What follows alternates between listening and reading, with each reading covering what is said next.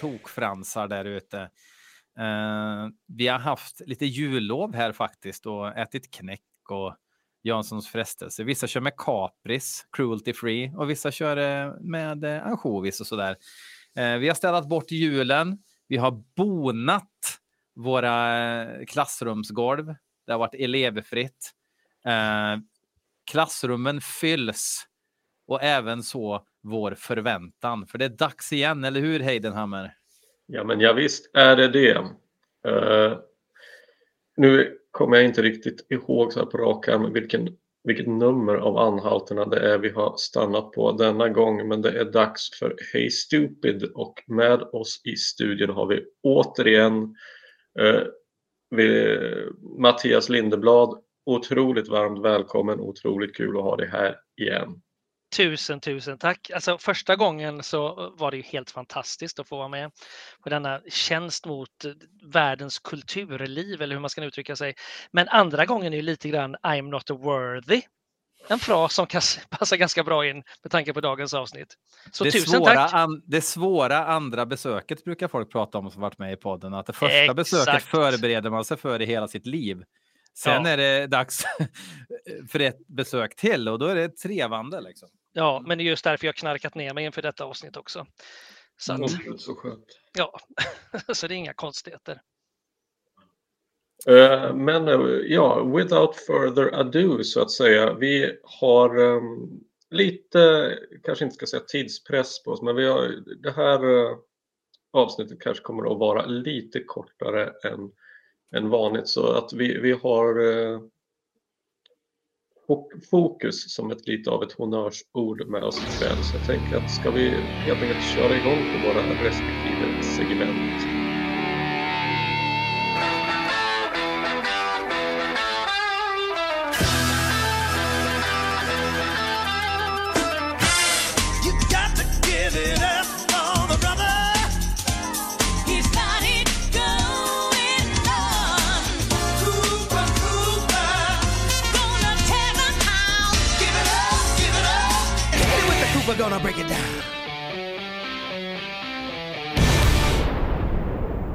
Ja, eh, jag vill bara säga två saker först.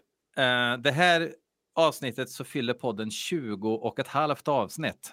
Eh, vi har haft 20 reguljära avsnitt, ett halvt avsnitt när vi rapporterade ifrån Atlas Rock i somras när vi såg Alice Cooper live.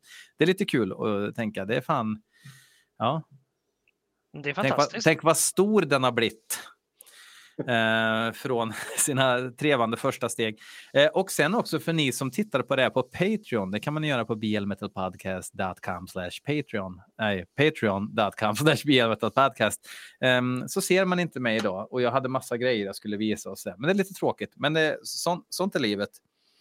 Eh, precis, vi, vi kan ju börja med eh, våra personliga relationer till den här eh, skivan. Mm, får jag börja? Absolut. Mm, vad härligt. Eh, jag kan säga att mellan Trash-skivan och Hey Stupid-skivan, det var där jag liksom började eh, älska Alice Cooper på riktigt så att säga. Innan jag upptäckte Alice Cooper med Constrictor som så många andra, men då var det lite mer ur ett barns perspektiv. Och mellan Trash och Hey Stupid så blev jag inspirerad och totalt, vad ska man säga, det var där han blev min husgud, Alice Cooper, och man gick tillbaka och grävde ända till Pretty's for you och framåt och duttade allt.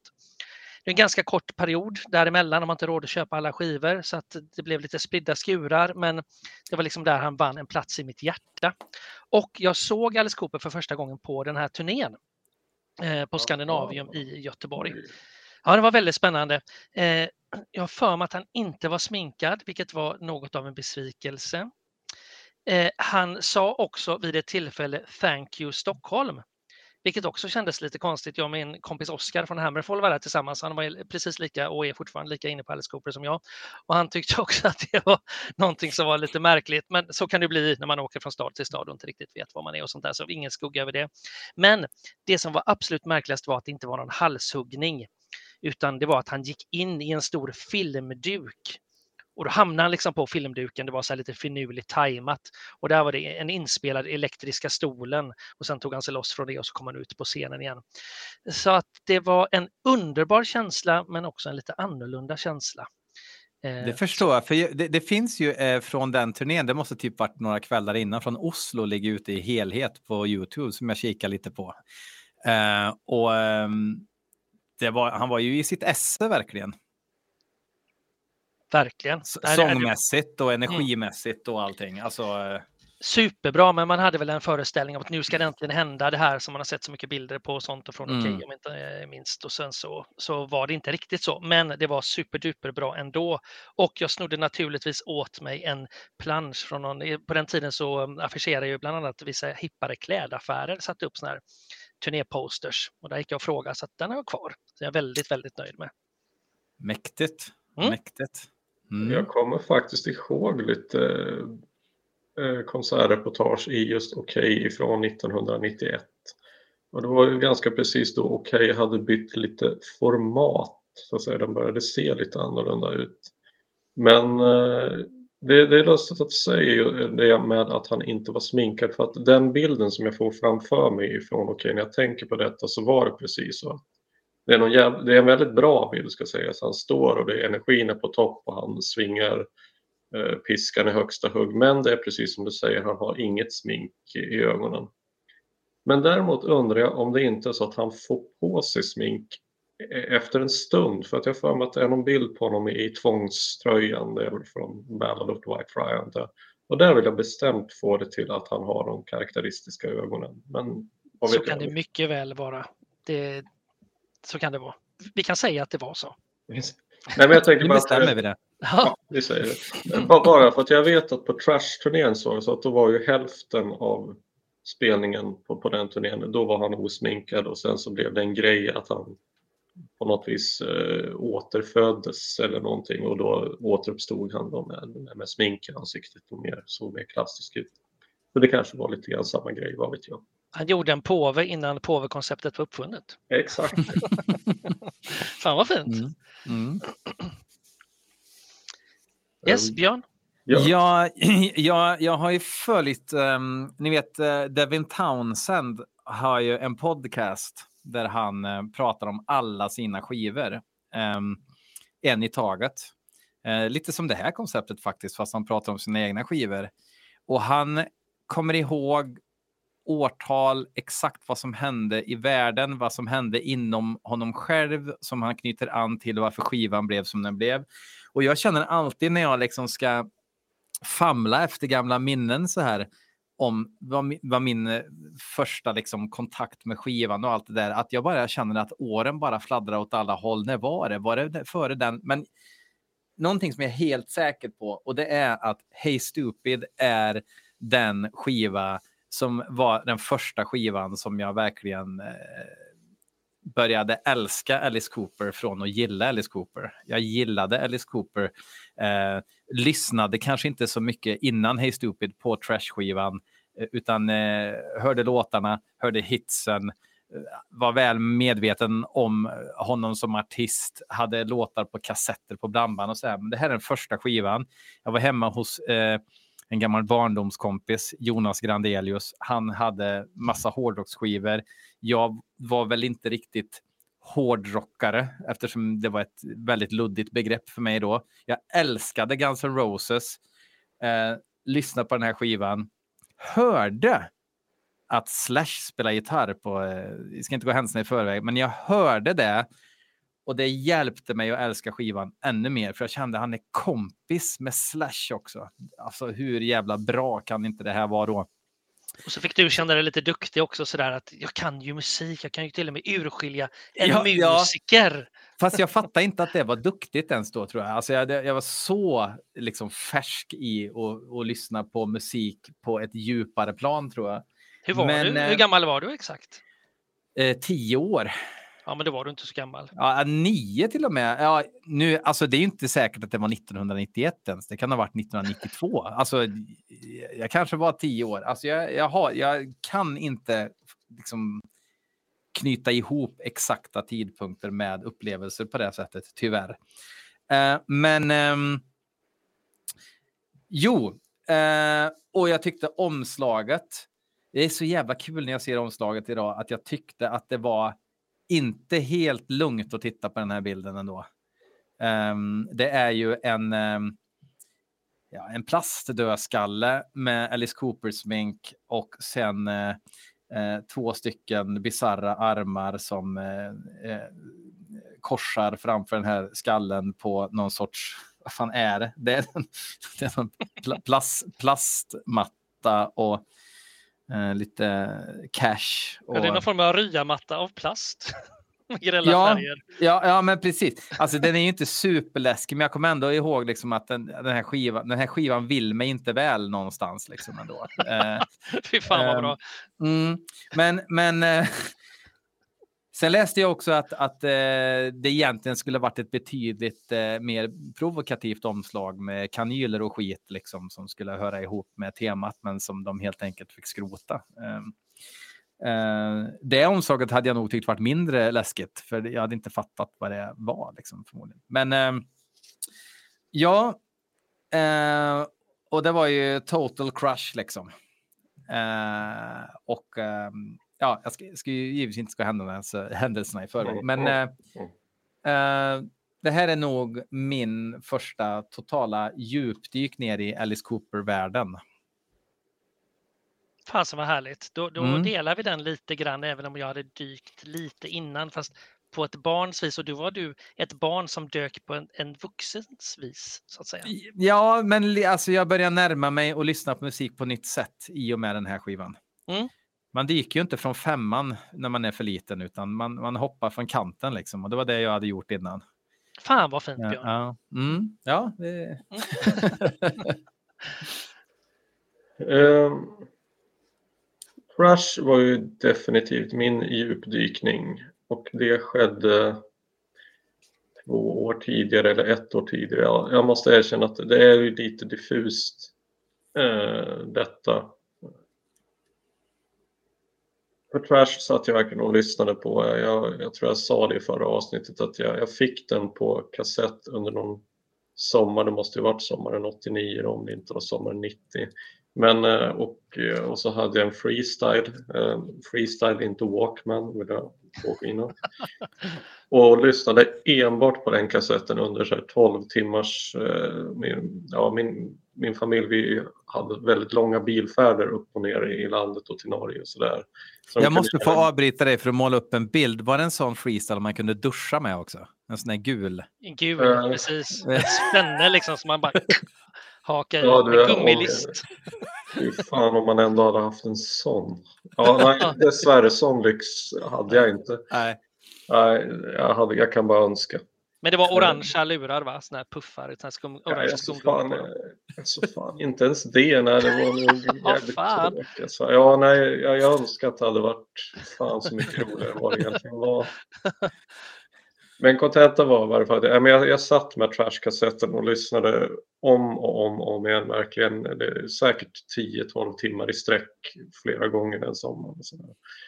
Och, eh, och med det så är det kanske lite udda att jag inte var så jävla het på gröten när den här skivan dök upp. Det var, det var ingen skiva som jag stod och, eh, och, och, och sparade ihop eh, veckopengarna innan släppet fanns att inhämta på, på, på skivaffären.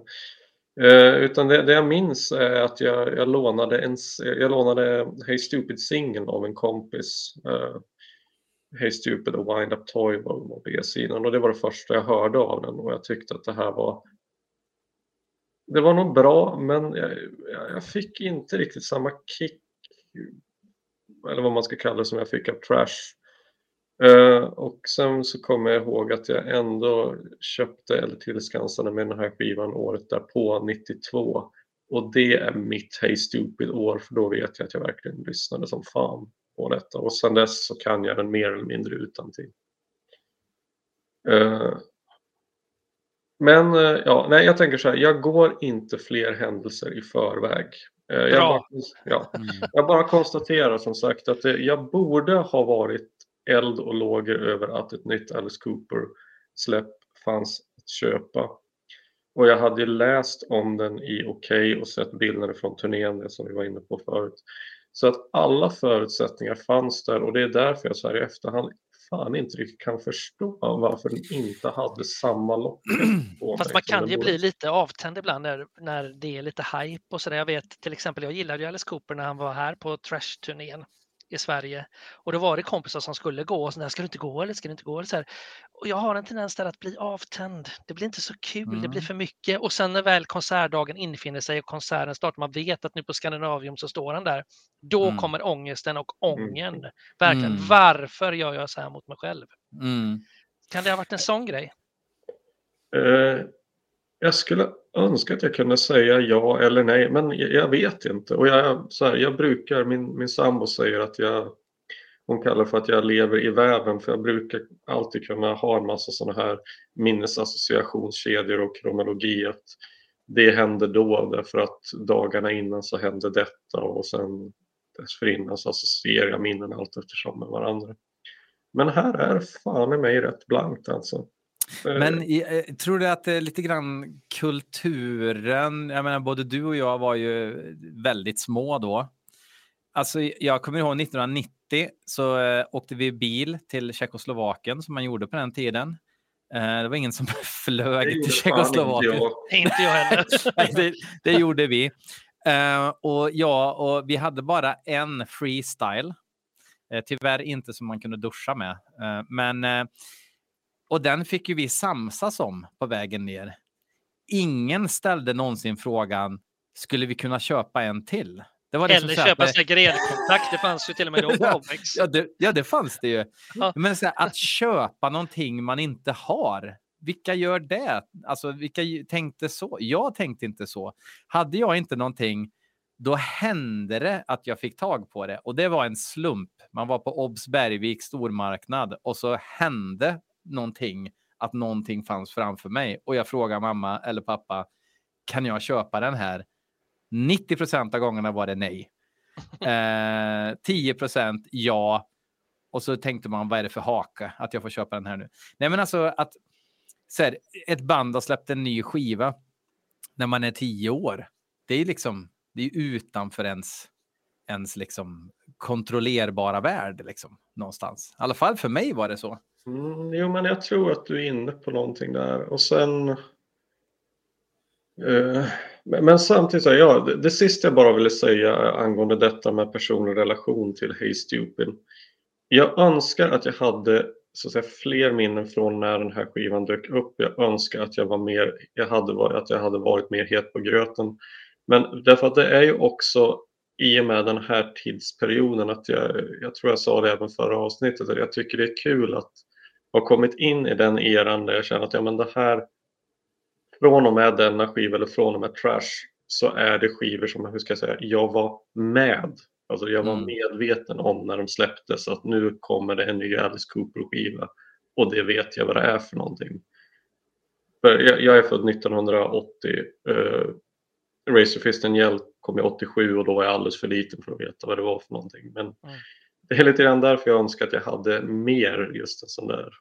Men, men så Mm. ung ändå, och så ändå inne i en blackout-period. Det är lite sorgligt nästan. Fast jag tror ju att du kommer ihåg det här egentligen, men att du vill inte komma ihåg den här tiden. Det är det det handlar om. Mm. Men jag minns att vi, vi ja, fuck it, nu, vi går vidare. Ja. Nej, men jag kan säga som att jag var ett stort Guns N' Roses-fan och det var ju för att brorsan hade fått eh, Use Your Illusion 1 och 2 i julklapp. Inte för att jag hade gått aktivt och köpt skivorna. Liksom. Det existerar liksom inte, utan det var ju kassetter man kom över. Alltså folk som hade eh, på kassett, spelade över kassett till mig eller på skiva. Det var ju så jag fick tag på musik. Det var ju några år senare när de här, alla de här skivorna dök upp i second hand-affärer liksom, som man kunde köpa på sig på riktigt. Men 1991 så köpte jag aktivt tre Two Live Crew-skivor.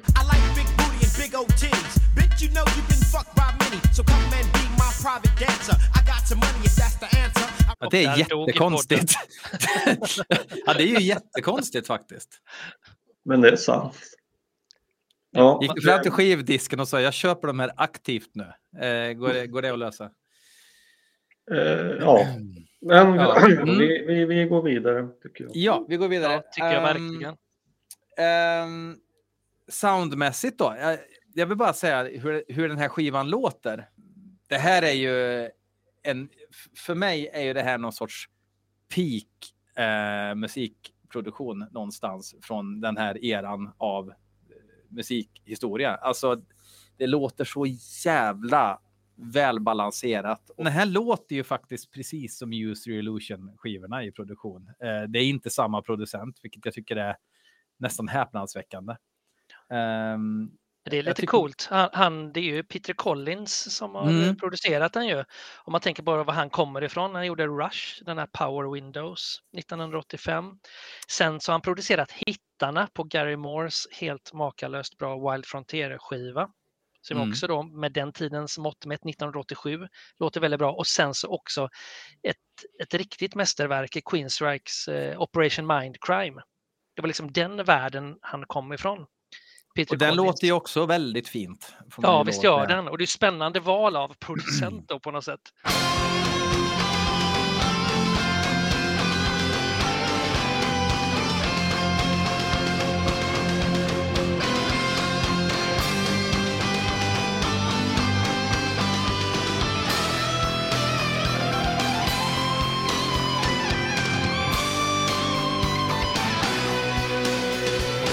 Så jävla fylligt. Ja, fin balans. Det, det är ingenting. För mig låter det, men, men det är bara för att man har blivit gubbjävel, men för mig låter det liksom inte daterat.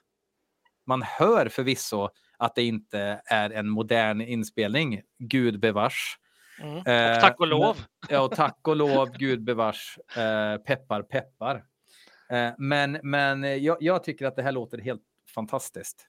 Och det är ju första gången på väldigt länge som en Alice Cooper-skiva låter helt fantastisk rent produktionsmässigt vid det här laget. Mm. Ja, solorna låter ju helt makalöst bra också. Mm. Bara attacken och bettet i, Mm. i själva solotonen och sen hur de ligger placerade i mixen är helt vansinnigt bra. Och att gitarristerna verkligen tar med sitt eget sound in i skivan också. Man, eh, man hör ju vilka som spelar. Liksom. Bara en sån sak. Mm. Jag, jag, jag har någon eh, ambivalent inställning till den här ljudbilden känner jag. Mm. Jag tycker att den, är, den låter väldigt bra och inte så bra på samma gång. Men jag har jävligt svårt att sätta fingret på precis vad det är jag gillar och vad jag inte gillar. Men eh, en sak tycker jag är ganska tydlig nu när, vi, när jag har djupdykt i den en gång till då och jämfört den med Trash. är att man brukar säga, eller man och man, men ibland så brukar det åtminstone framhävas att Trash och Hey Stupid skulle vara någon slags syskonskivor för att man vill gärna se att Abbas gör skivor i par.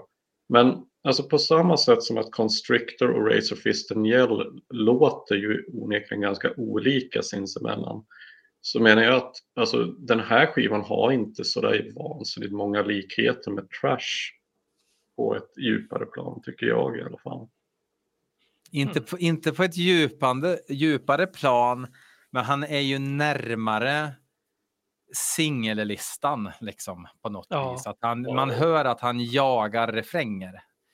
Eh, Så är det det hör man på. Trash Ja, också. och, och verkligen. Och, och eh, lite kanske ännu mer desperat här för att han vill leva upp till den monumentala framgången med Trash. Jag- För Mm. mig känns det här väldigt tydligt som en syskonskiva måste jag säga. Fast han har ängsligt tagit ängsliga vägar för att på något sätt ta det vidare. Man vill ändå krama det som var.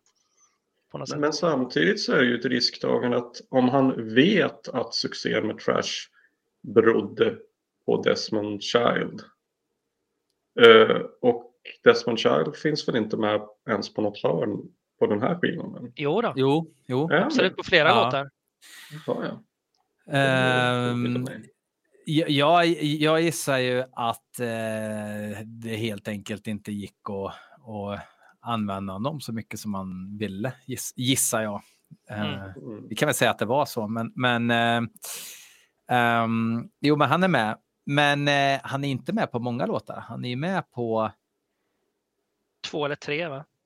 eh, det står ju i Vi ska inte gå reagerar på. handlingen i förväg. Nej, nej, nej, jag ska inte säga vilka låtar. Då, då, då hoppas jag att, att jag får kicken.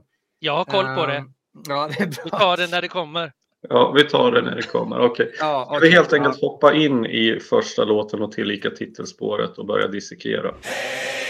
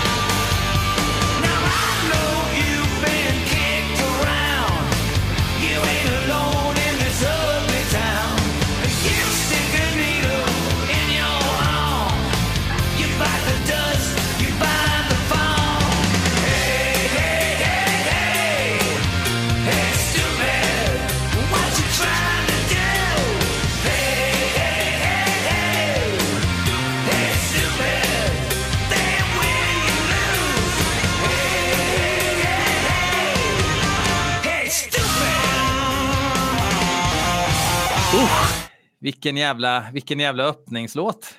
Ja, den är sjukt bra. Den har allt som en hitlåt ska, tycker jag. Eh, nej, den, är, den är makalös och eh, jag vet att när den kom så tyckte jag att texten var så bra också. Att han sjunger så tydligt och öppenhjärtligt om sitt förakt för knarkande. Det tyckte jag var väldigt, väldigt fint och det liksom genomsyrade, tror jag, min syn på texterna på det här albumet som faktiskt nu i den här genomgången tyvärr har fått sig en ordentlig törn. Jag ska inte Mm. heller gå händelserna i förväg, men jag, jag, åh, nej, det var inte alls bra för mig att- dissekera texterna här. Men fy fan vilken bra låt! Mm. Och sen, vi, ja, fy fan. Jag, jag, jag, tänker många gånger när man tar in en, en eh, gästgitarrist så kan man någonstans höra att den slog ihjäl 35 minuter i studion eh, och la sitt solo liksom och så där. Men på den här låten skulle man ta bort Slash gitarr och bara byta ut mot en annan person så skulle det inte vara samma låt verkligen. Nej, Han gör så mycket, han färgar så mycket, han använder ju sitt, sitt melodispråk som jag tycker ändå är rätt unikt. Han har det här väldigt overdriviga gitarrljudet liksom, som egentligen inte är ett snyggt gitarrljud, men han använder det helt rätt eh, och, och lägger på toppen här. han har ett unikt Eh. anslag också skulle jag vilja säga, faktiskt, i Mm. hur han hanterar sin gitarr. Liksom. Mm. Det, här, hård, det känns som att han spelar jävligt hårt. Och att han liksom stannar upp lite grann och sen så vandrar han snabbt vidare så att man, ja, det, det låter nästan som att man försöker köpa tid och sen så fattar man att det gör han ju inte alls för att eh, det är ju Nej, det är lite Ja. så här, wait for it, wait for it, och så kommer det liksom.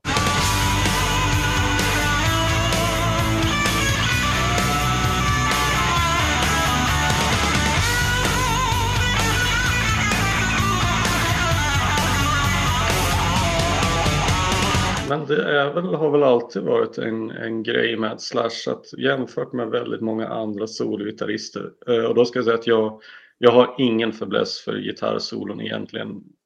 Jag, kan- jag ska inte säga överhuvudtaget men den är liten. Men han lyckas ju kombinera melodier i sina solon Mm. med ja, mer räkutflykter och det tycker jag är jävligt tacksamt. Mm. Det är som mini, små kompositioner liksom. Mm. Ja. Men, men Joe Satriani spelar ju um, gitarr här också. Ju. Honom hör man ju inte lika tydligt. Det är han som står för kompandet då förstås. Det, han spelar förmodligen mycket av kompgitarrerna. Ja. Jag tror inte han spelar någon melodi eller soloslinga i den här alls. Nej, faktiskt. för det, låter det, bara Slash, ju, men vad ovärdigt Ja. för gitarrhjälte Satriani att bara få kompa. Verkligen.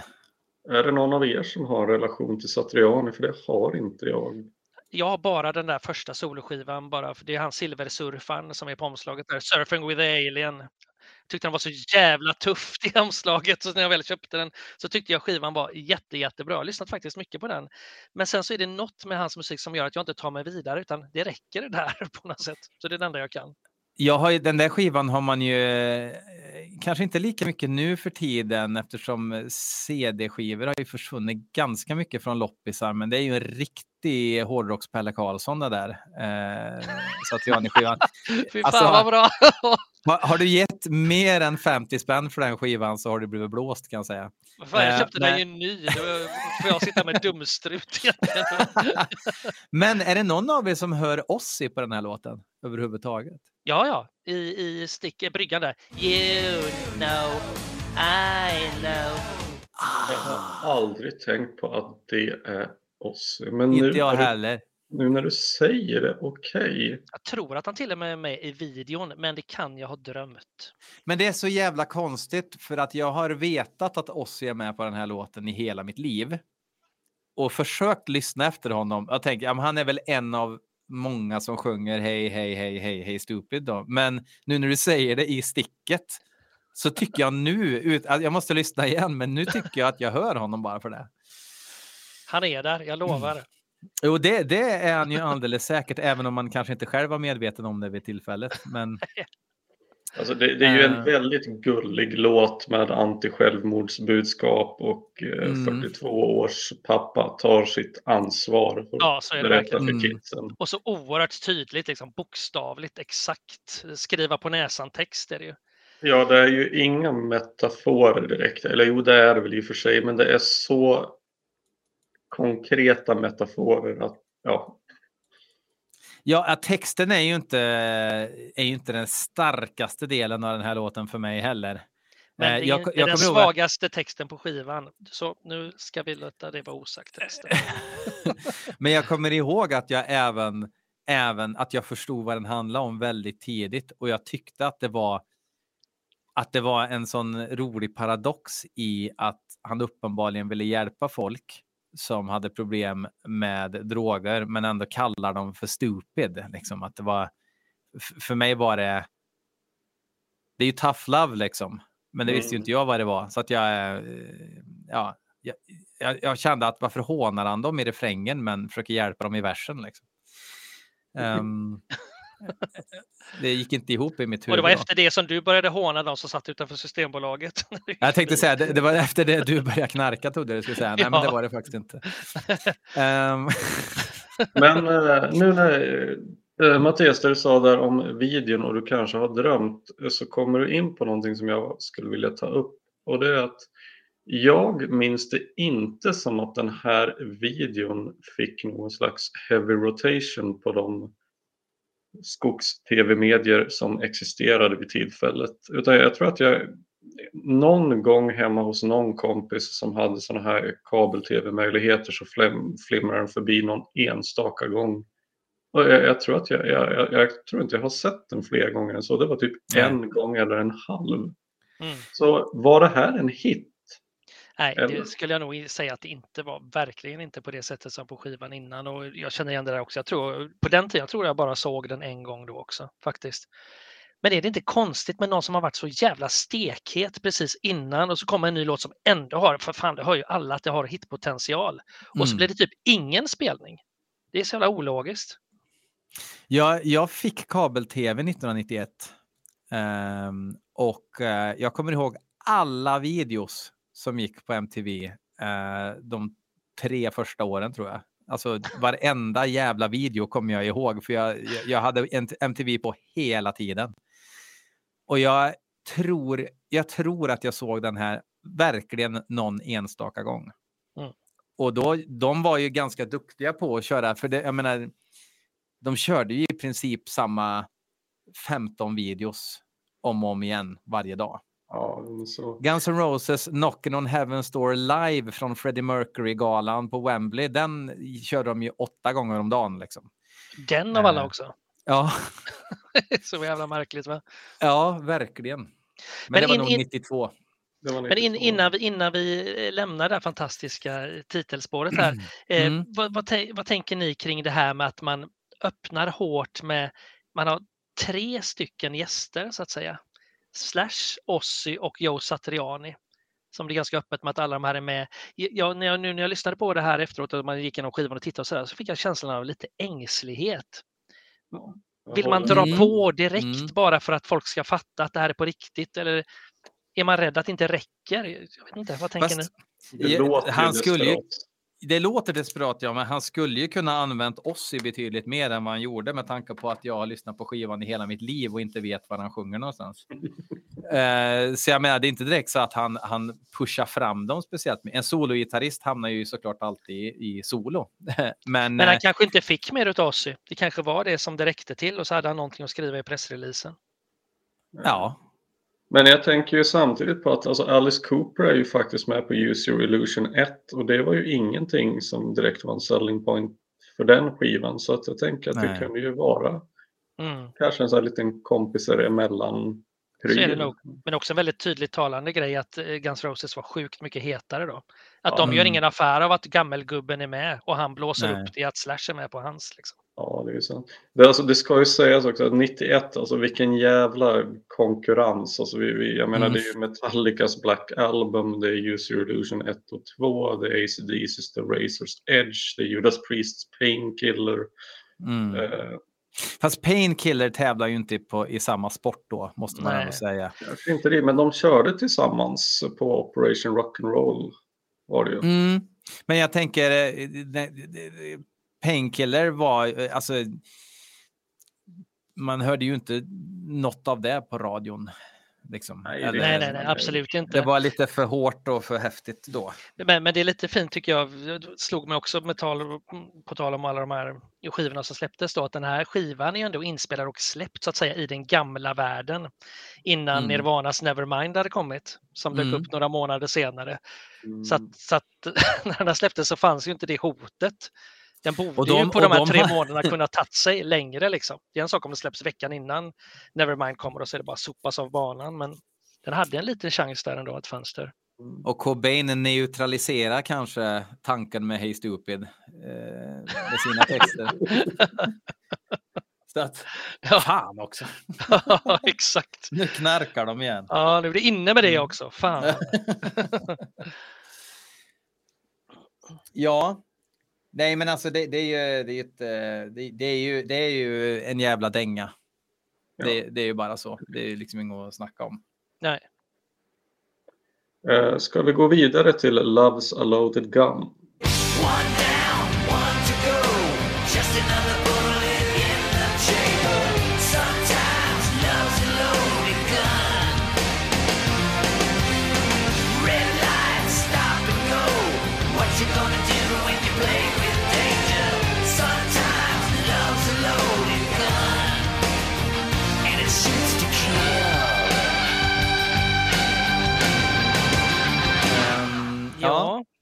det här är kon, ja, det här är ju en av mina favoriter på skivan. Så pass. Jag tycker att det är så jävla bra refräng alltså. Alltså, det är ju, alltså det är jättekonstigt att det är en favorit, men det är, men det, det är liksom ren, det är väldigt mycket nostalgi i det på något Mm. vis. Att jag tyckte den var så förbannat bra eh, då. Och, att- och den kom liksom efter eh, öppnings, vad jag tyckte då, hitten. Och jag, bara, och, och jag tror att, att de här ligger liksom bredvid varandra gjorde nog också att jag som, alltså att, att jag liksom tog med hela skivan eh, mer också. Ehm, Jag, Ja. jag tänker när jag hör den att, att Alice Cooper nog aldrig har låtit mer hårmetal el- alla LA än så här. Nej, det är nog min Går, uppfattning vandrar lite halvslött på, på Sunset Boulevard. Man kan tänka sig en liten så här artig, grynig video, lite svartvit. Det ska vara lite gött och lite svårt. Eh, jag tycker faktiskt att den här är lite halvträlig. Det här är inte min favorit alltså. Jag vill ju hävda att det blir mer av den saken lite senare utan att nämna några namn. Men Du kommer bli Eh. så fruktansvärt förvånad angående min bästa låt på den här skivan. Okej. Ja, För jag tycker ju att, att eh, det, det, det som, som tangeras ganska mycket på den här skivan är ju det här ett rockband spelar på den där puben i Beverly Hills 90210.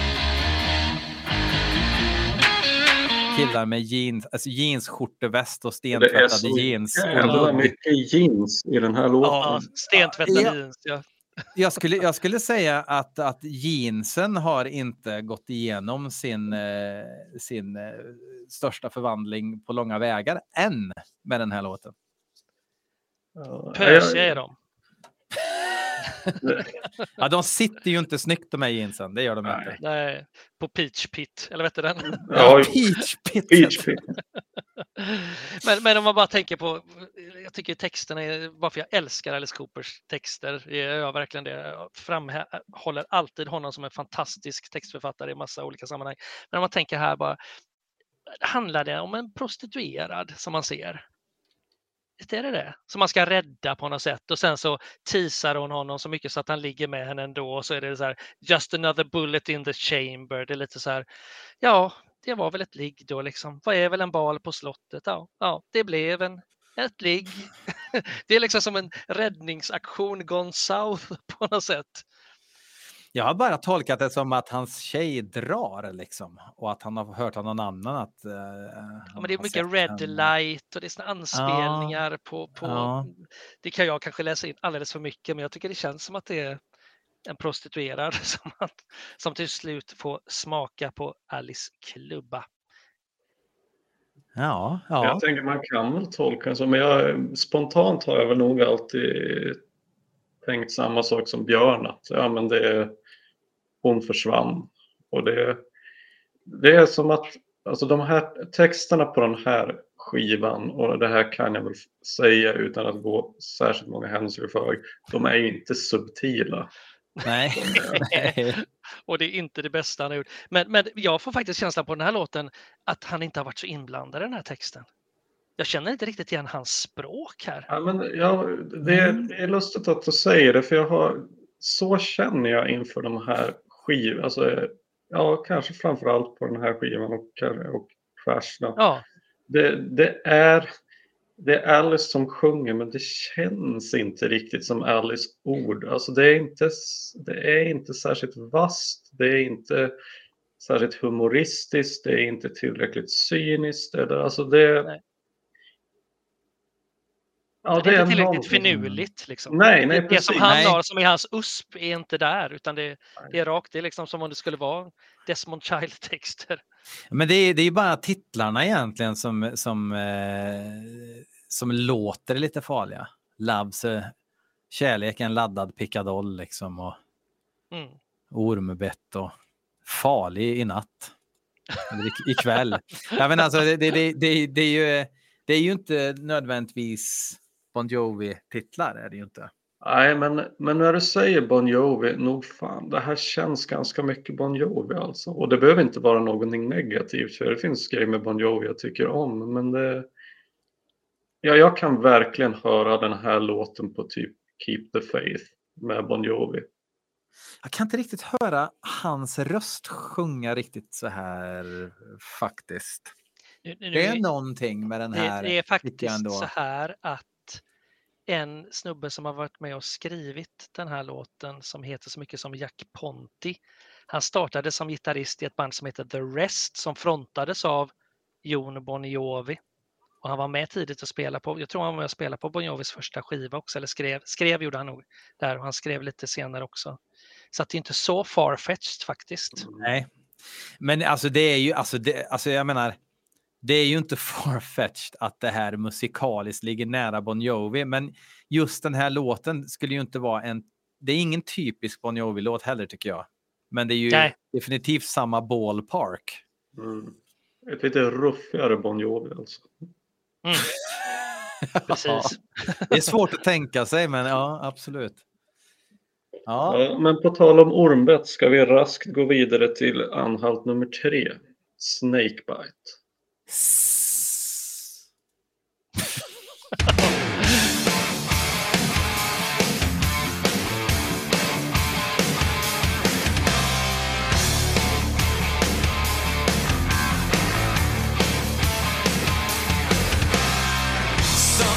better shake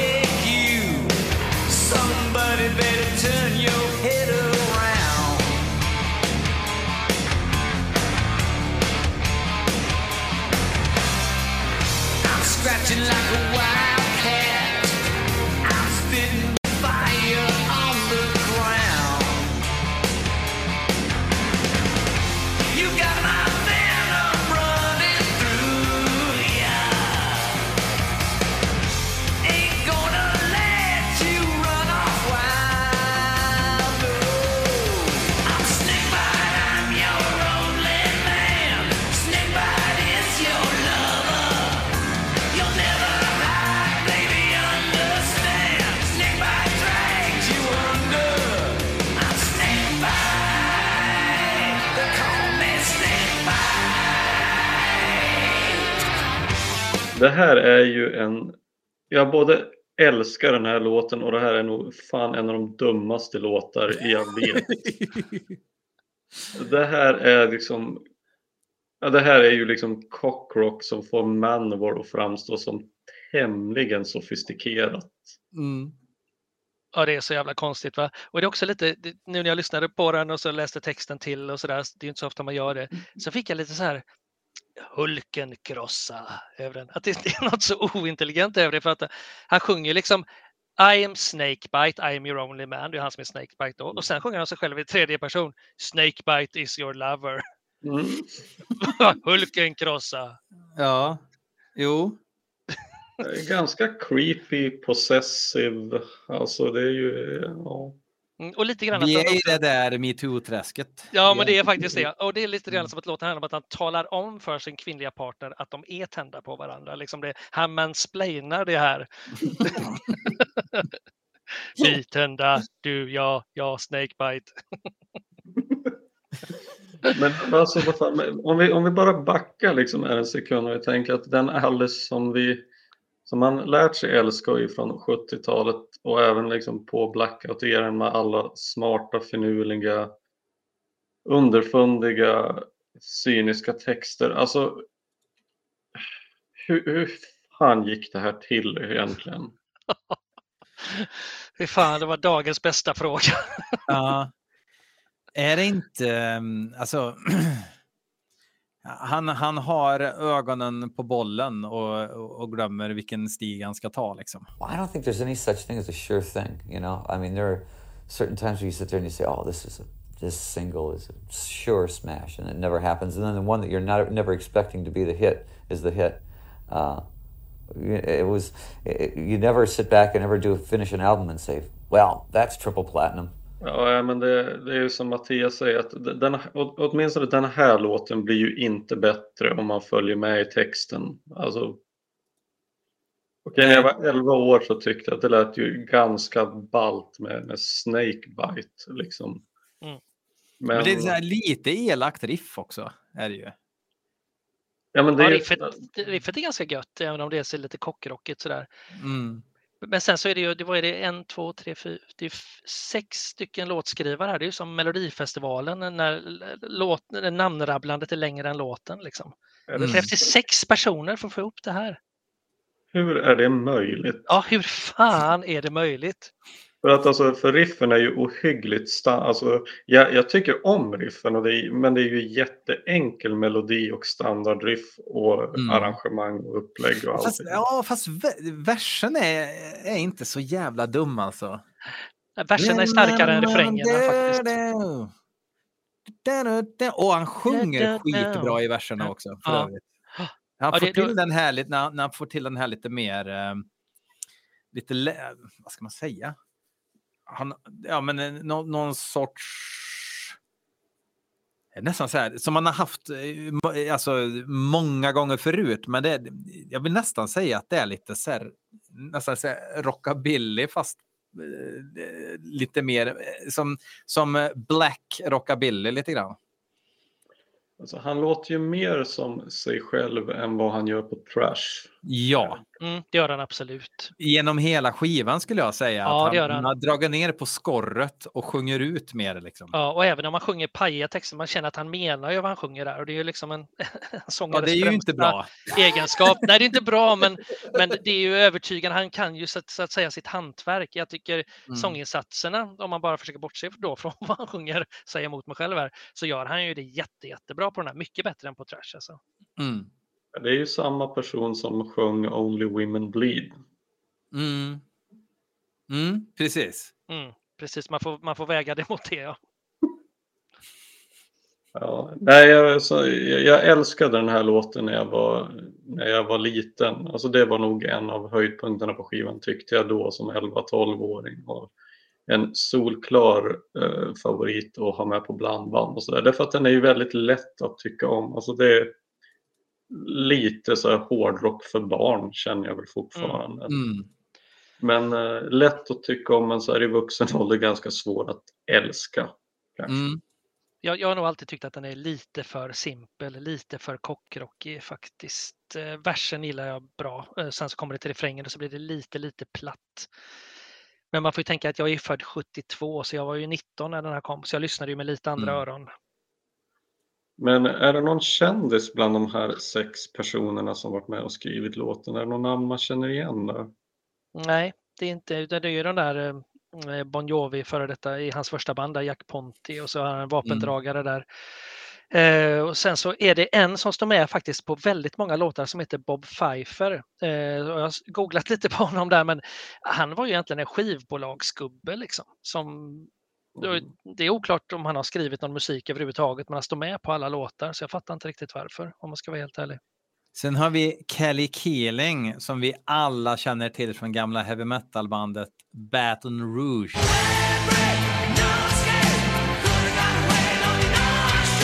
Nej, det gör vi inte. Jag bara sökte upp honom. Han sjöng där, men har skrivit en massa movie soundtracks och eh, ja, massa.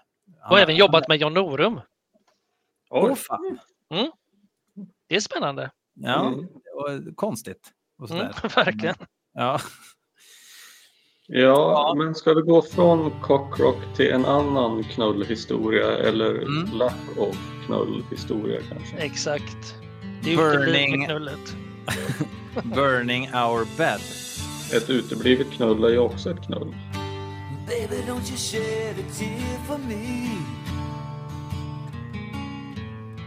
I wouldn't want to waste your time. You talked a lot of trash and you lied to me. But babe, you never even tried. Oh, oh, oh. You can hold my heart for ransom, but you'll never own my soul. Baby, I might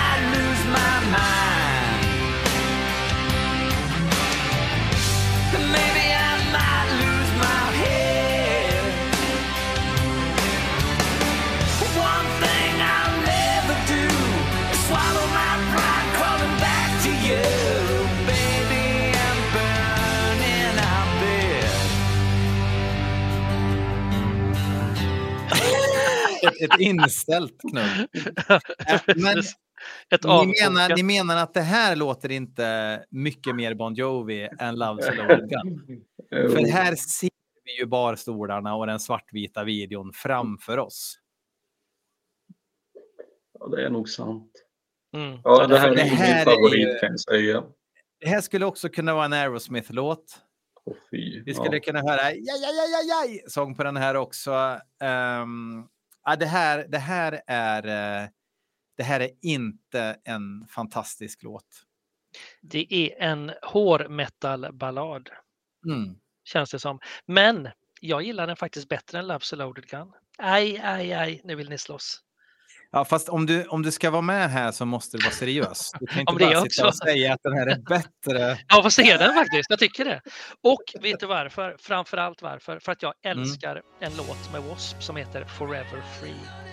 Och jag tycker att första halvan av Forever Free påminner lite om den här i känsla fast Forever Free är lite mer i, i moll och den här är lite mer i dur. Men sen är det, alltså jag tänker också att, att W.A.S.P. kommer ju undan med extremt mycket på grund av Blackie Lawless extremt passionerade, hårda röst liksom.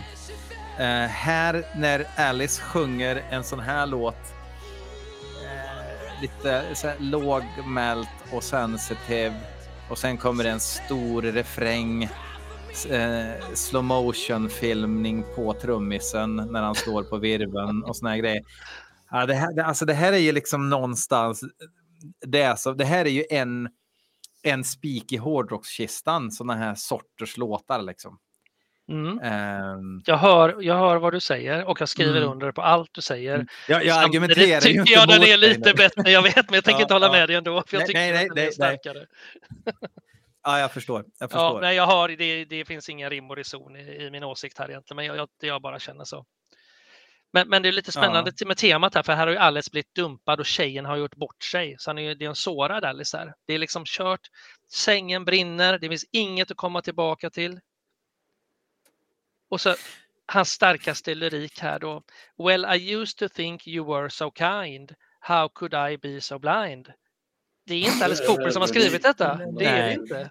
Och Alice Cooper ska väl för fan inte vara sårad på det. Han, han ska ju vara möjligtvis nedgången och redo att dö, men han ska Nej, inte han ska vara planera hämnd.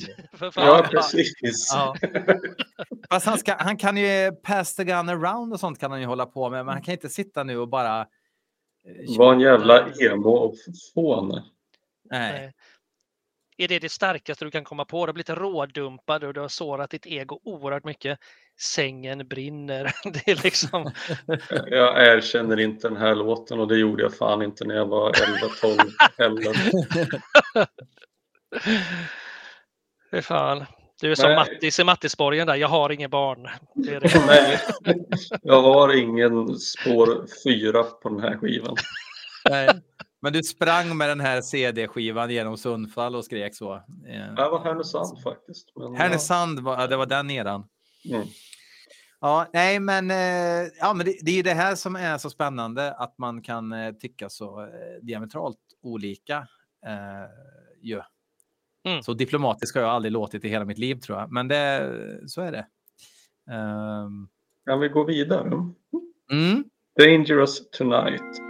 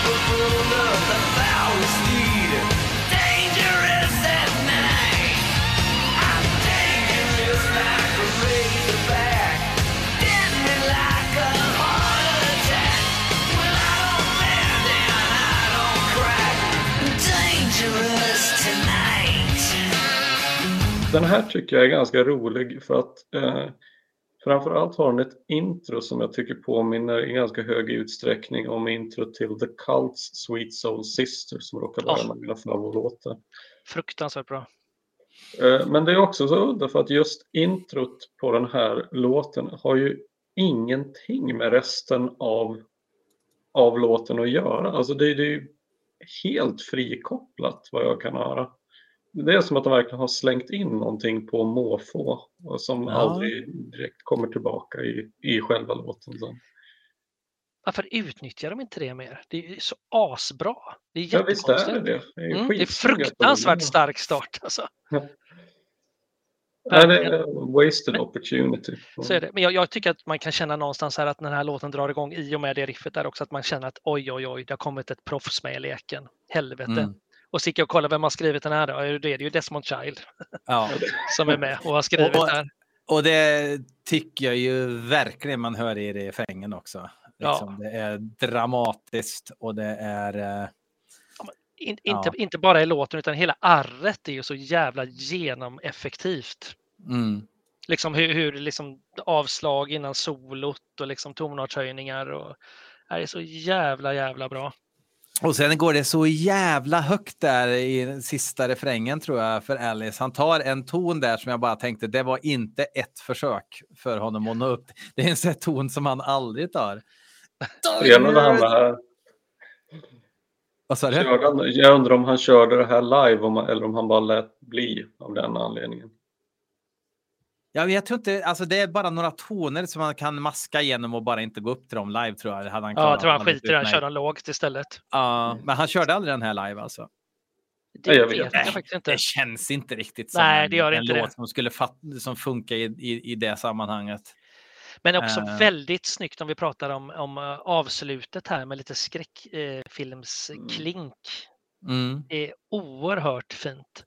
Och sen så känner jag att här, vad fan, har han inte varit inblandad här och skrivit lite text? Jag menar, eh, nö, bra nödrimmande är ju en konstart. Liksom. Det, det kan ju vara... like a razorback and deadly like a heart attack. Ja, och poisonous som en centipede. Exakt hur poisonous är en centipede. Och, sen så och vem, vem lyfter upp, vem lyfter fram? Razorback det är väl någon form av eh, australiensiskt vildsvin eller något Ja, liknande. precis. Vilken jävla liknelse. Jag är farlig som ett vildsvin. Det Jätteroligt. ja. Jag tycker det är helt grymt. Men vildsvin är jävligt farliga faktiskt. Ja visst är de, men det är ingen som pratar ja. om dem på det sättet. Det Nej, är underbart. Nej, men jag, jag tänker att det, det, det känns som att eh, vildsvinens farlighet är ju någonting vi har uppmärksammats på i Sverige de senaste 20 15 åren. Eh, Jag tror inte det är vedertaget och speciellt inte, speciellt inte i USA där det finns eh, djur som är betydligt farligare nära till hands. Liksom. Nej, nej men artisten som Ehm. gav vildsvinet en farlighet. jag tycker det är underbart. Jag gillar det faktiskt på riktigt. Jag skojar lite nu, men jag, blev Ja. faktiskt väldigt glad av detta med Poisonous Centipede och, och Razorback. Men det här är en sån här låt som, som, jag, som jag egentligen inte kan gnälla så mycket på, men som jag bara liksom inte älskar heller. Ja, jag älskar den, det, det Mm. måste jag säga. Jag tycker den är fruktansvärt bra. Samtidigt som den är, det finns ju någon form av cheesyhet i det, att det är så jävla snyggt och effektivt allting som gör att Mm. man, man, man får helt enkelt välja. Antingen så är det här kast eller så är det fantastiskt och det, det, jag tycker det är bara helt underbart. Mm.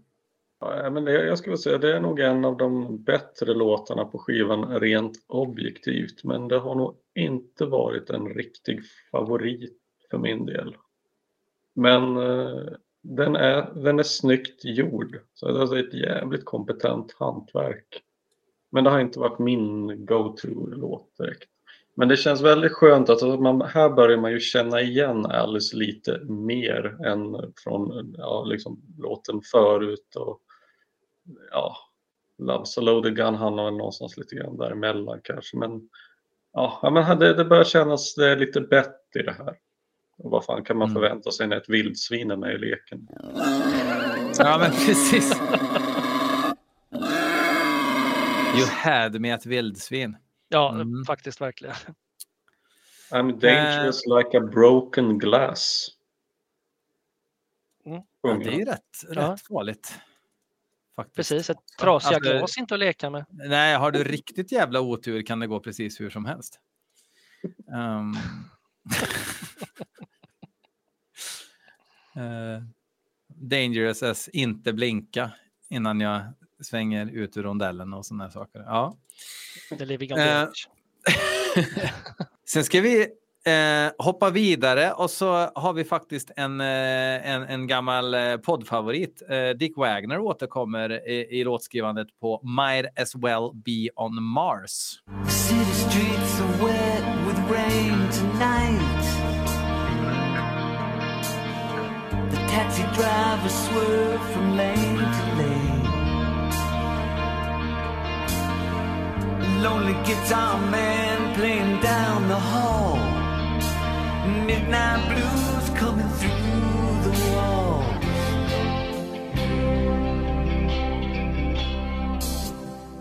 I tried to call you on the telephone.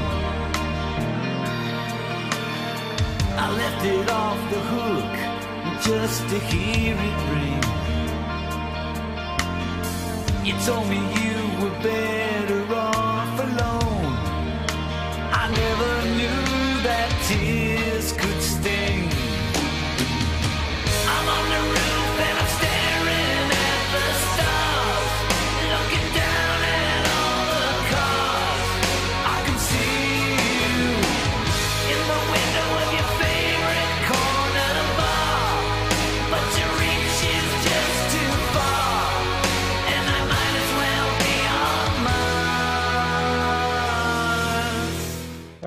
favorit för mig när jag var mindre och jag tycker den är skitbra fortfarande.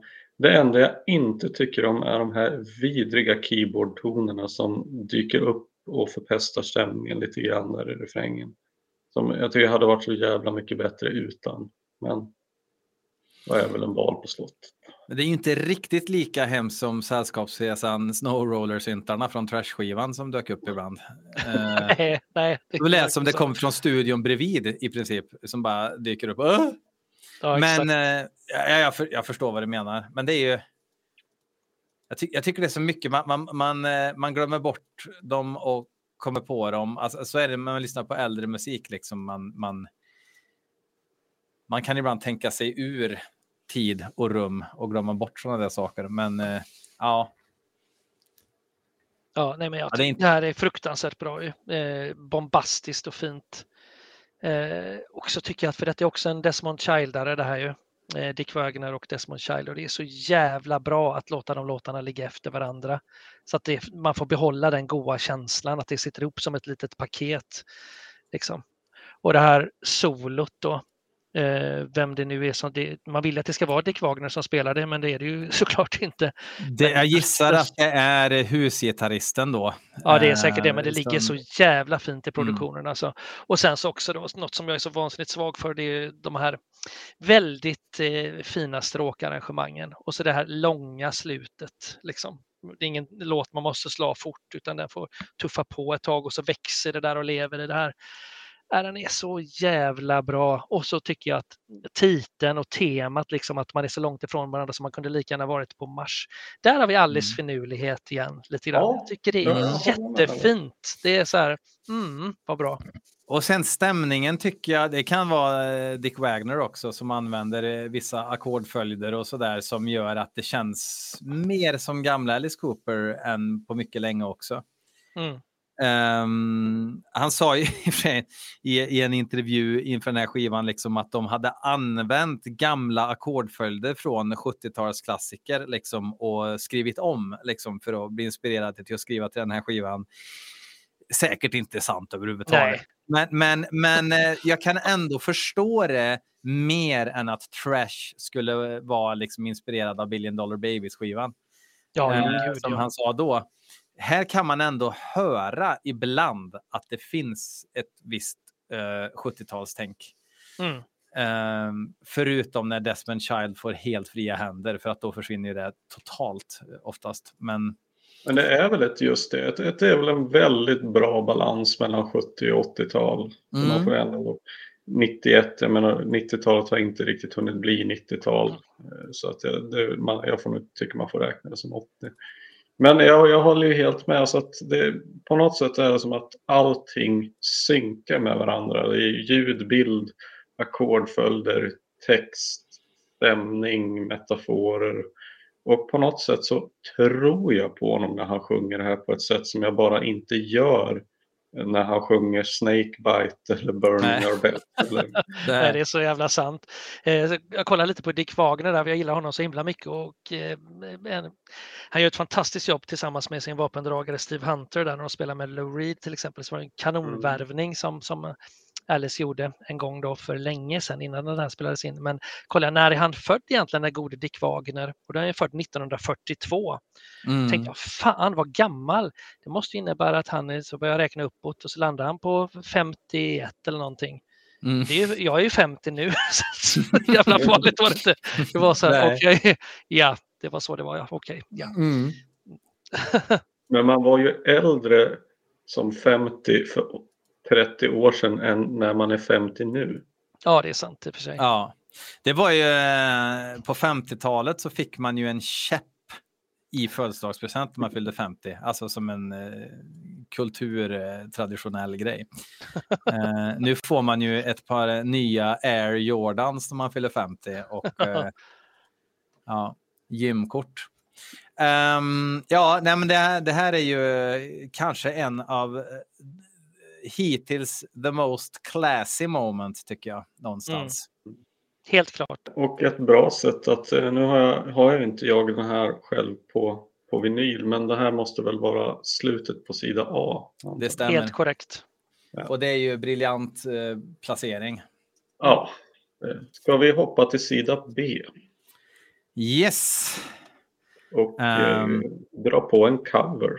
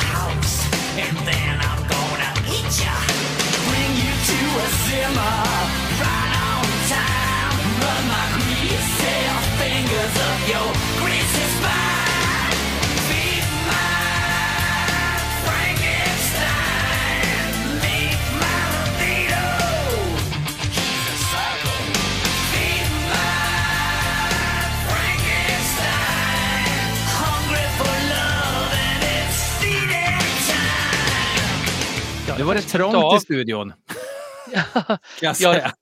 verkligen. Jag hade faktiskt glömt Mm. av att det var en eh, cover, om man ska vara helt ärlig. Så jag gick igenom det och bara, helvete, det är ju en cover. Så ringde det en klocka att jag har hört det någonstans, men jädrar. Zodiac Mind Warp cover. Det hade jag inte en aning om innan eh, idag faktiskt. Nej,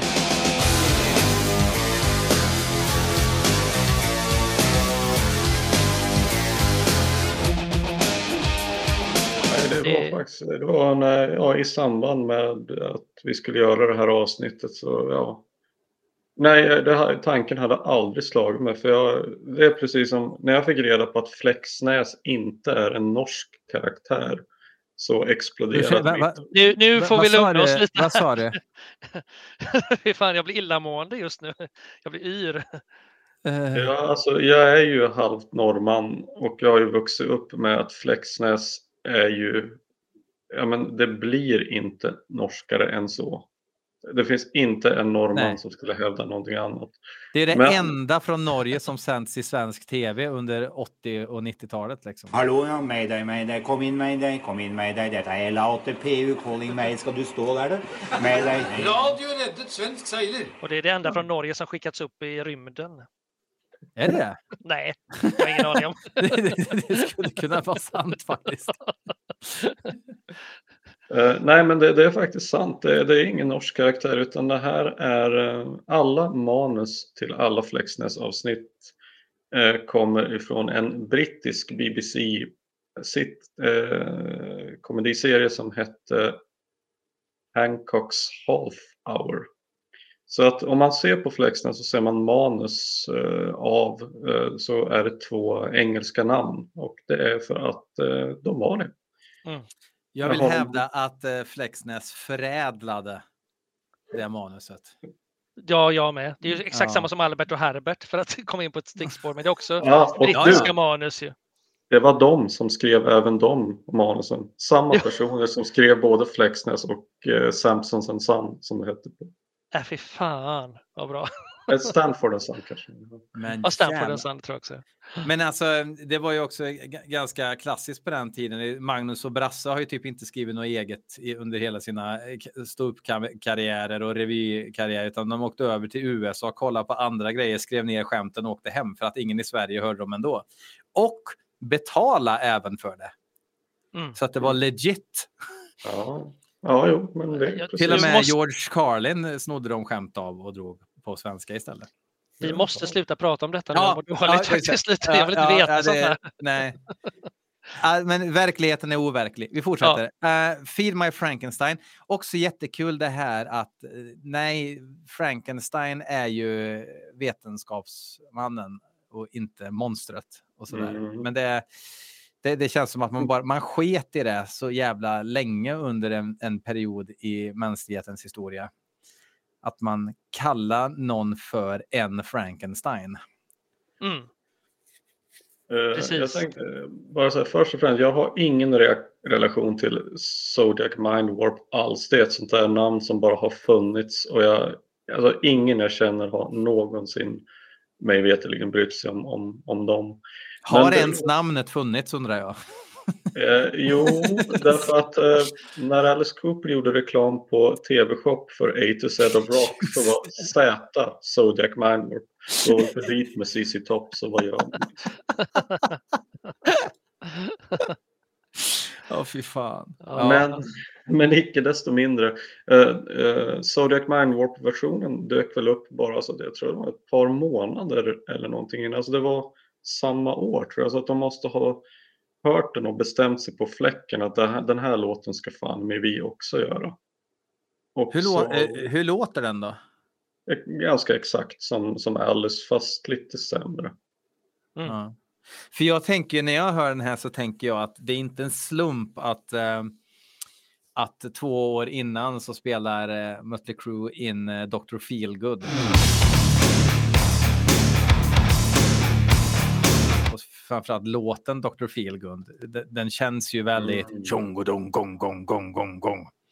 Ja. Och Verkligen. att Nicky Six eh, och ja, Nicky Six är ju med och spelar på den här också. Ja. Ja. Jag tycker att det är som en blandning mellan Dr. Feelgood och eh, Electric Banana Band eller någonting. Mm. Jag menar inte det lite riffet och sånt där. Det är någonting som Janne Schaffer skulle kunna göra i sin zebra-kavaj liksom. Jo, verkligen. Alltså, det här är för mig verkligen barnhårdrock. ja, men det är det. Absolut. Och har aldrig, inte ens som barn var det här en superfavorit för mig. Jag tyckte den var, alltså jag tyckte den var bra, men det var, det var liksom inte den här jag helst eh, lyssnar på. Liksom. Och Jag har, jag kommit uppskatta den mer ju äldre jag har blivit.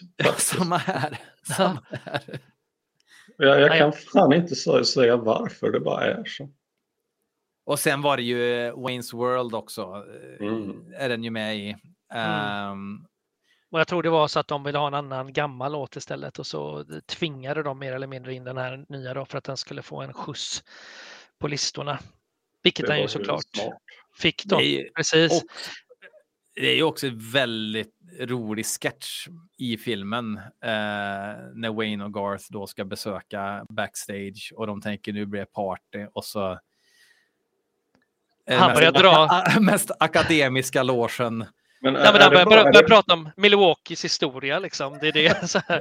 men är det bara jag? Jag hade ju mycket hellre hört om Milwaukees historia än ja, vad, Mycket mer. Men det är det som är så roligt i filmen, att Wayne och Garth blir så avtända och vill gå när han börjar prata om det där.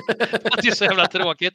Men det absolut bästa, och det är så subtilt, för att då är Alice Cooper den duktiga där som börjar berätta Ja. så här, Han ställer en sån här nödfråga, typ så här, brukar du gå hit ofta? Fråga liksom. Har du varit här Mm. många gånger? Ja, det har jag faktiskt. Visste du att Milwaukee, bla bla bla. Och sen så är det en av killarna i bandet som vänder sig mot Alice och frågar bara, Isn't Milwaukee an Indian name? Och han, Alice Yes, bara direkt bara, it is. Snyggt! Det var så jävla bra! Det var så jävla bra! Det var det roligaste av allting.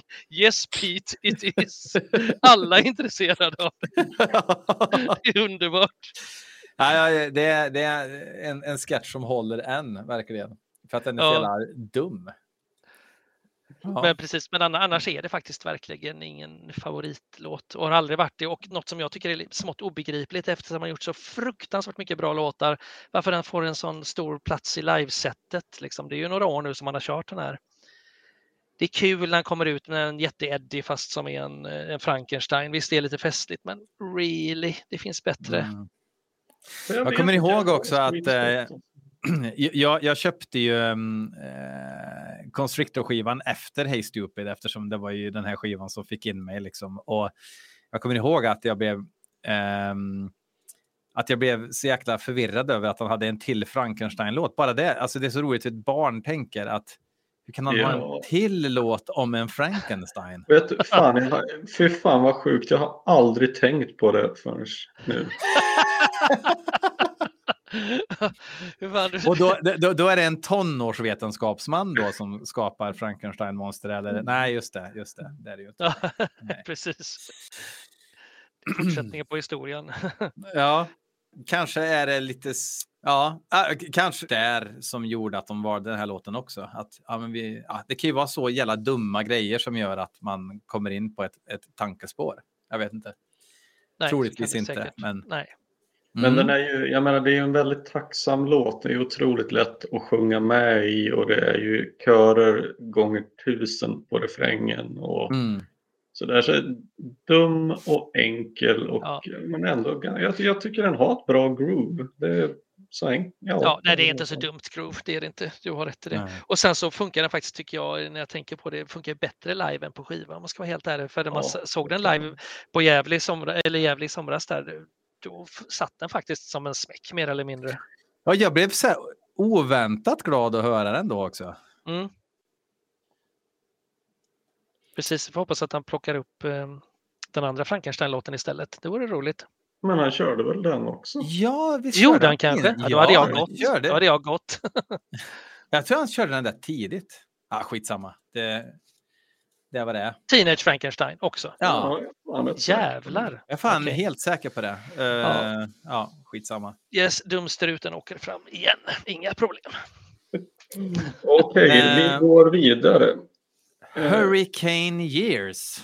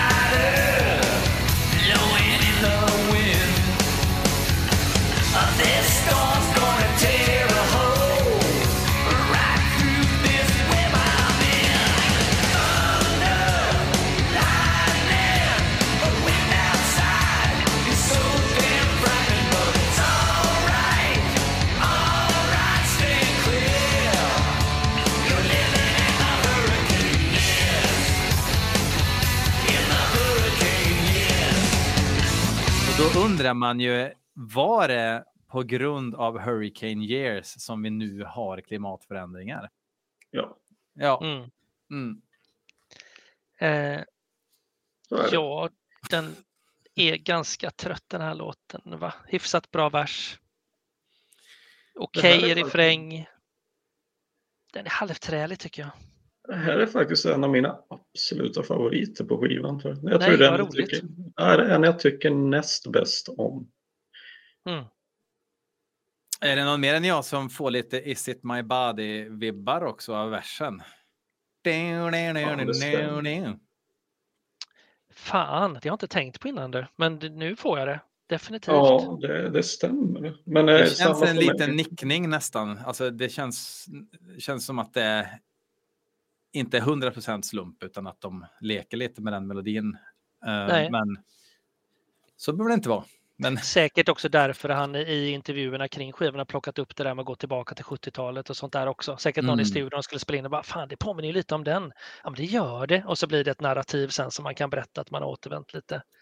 Men hade Hurricane Years spelats in 1973 eh, och med den spelstilen man hade då så hade låten inte, alltså det hade inte varit konstigt alls tror jag. Nej. Mm. Sen vet jag inte om det hade varit bland de bättre låtarna de hade gjort det året ändå, men det... Men, Men, det, eh, nickning känns det som i alla fall.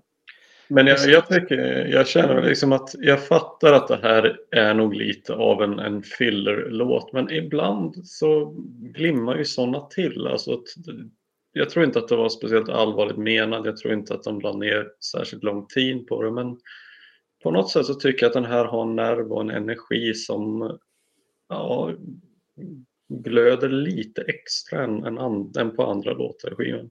Och så är det ju det här märkliga dubbel, dubbelkaggepartiet i slutet också som jag nog inte riktigt har hört på någon annan Alice Cooper-låt. Nej. Ja, Jag kikade på texten också, kände jag först att oj vad det går på tomgång här. Men jag fick faktiskt ändra mig när jag kom till slutet på låten för då är det en liten fin vändning att allt är för sent men personen som sjunger då vill inte riktigt ge upp ändå. Jag tyckte faktiskt att den är ganska bra. Måste Jo, vara. Mm. Men man får väl lite så här, det är ju lite 80-tals action-känsla men i något halvapokalyptiskt samhälle. Jag tänker mig typ lite hardware eller eh, ja, det är röda skyar, allting har gått åt helvete och han står i svart skinnrock och vandrar genom öknen eller någonting. Så, Fan, nu blev den ännu bättre. Mm. ja, Mm. Hörni, klockan bara öser på. Alltså, klockan går så jävla snabbt. Det är helt sjukt. Och då hade vi inte Jävlar. pratat alls mycket om Flexnäs liksom. Så att vi får... Eh, up. Ja. Ja, vi får gå vidare. Ja, little by little. Black leather gloves and your lipstick shines bright as moonlight glows. My wildest rose cut so fine and deep, it hurts but never shows. You're bad, you're so hardcore.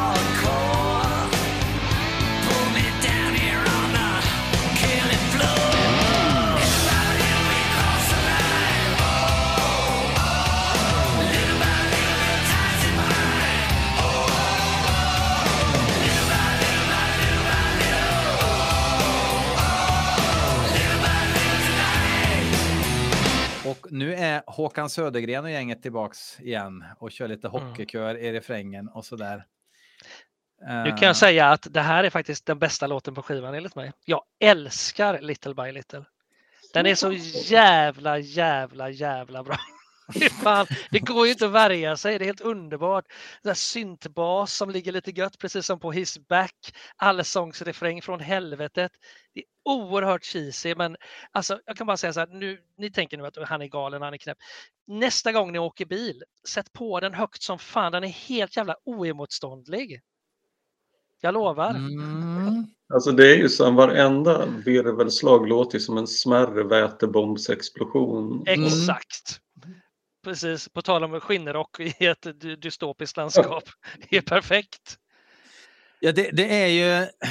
det- Den har ju något dystopiskt inledningsvis, men jag, jag tycker att eh, refrängen blir lite för... Fast det, det, det, det Kom igen nu längst bak. det. Lille ba, Ja. lille ba, lille ba, lille do, do, do, do, do.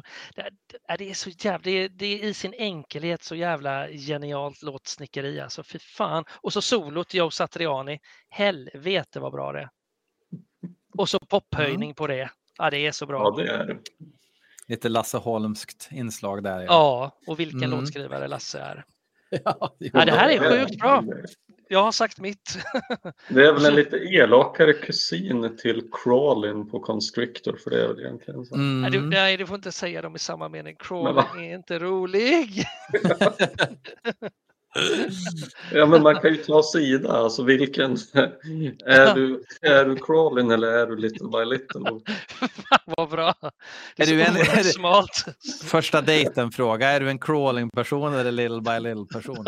Exakt. Exakt. Och vet, vet personen i fråga inte vad man pratar om då så är det bara att lämna bordet direkt. Ja, då är det ju, då Ja, är den helt. Tinder-dejten över. Ja, exakt.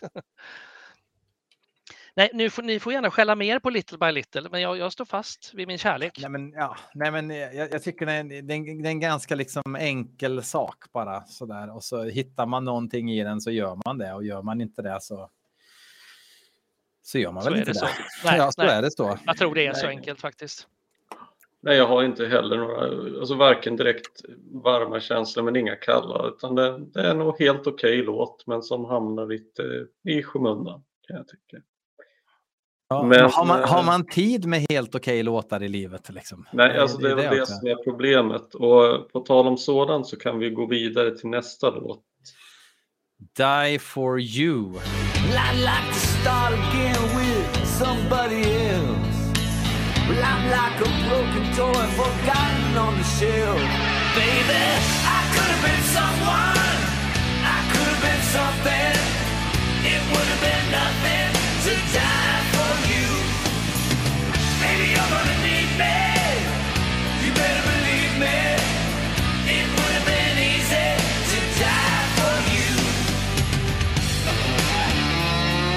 Varför är den här låten med när Burden Abed redan är med och varför är de Exakt. två låtarna med på, på skivjäveln överhuvudtaget?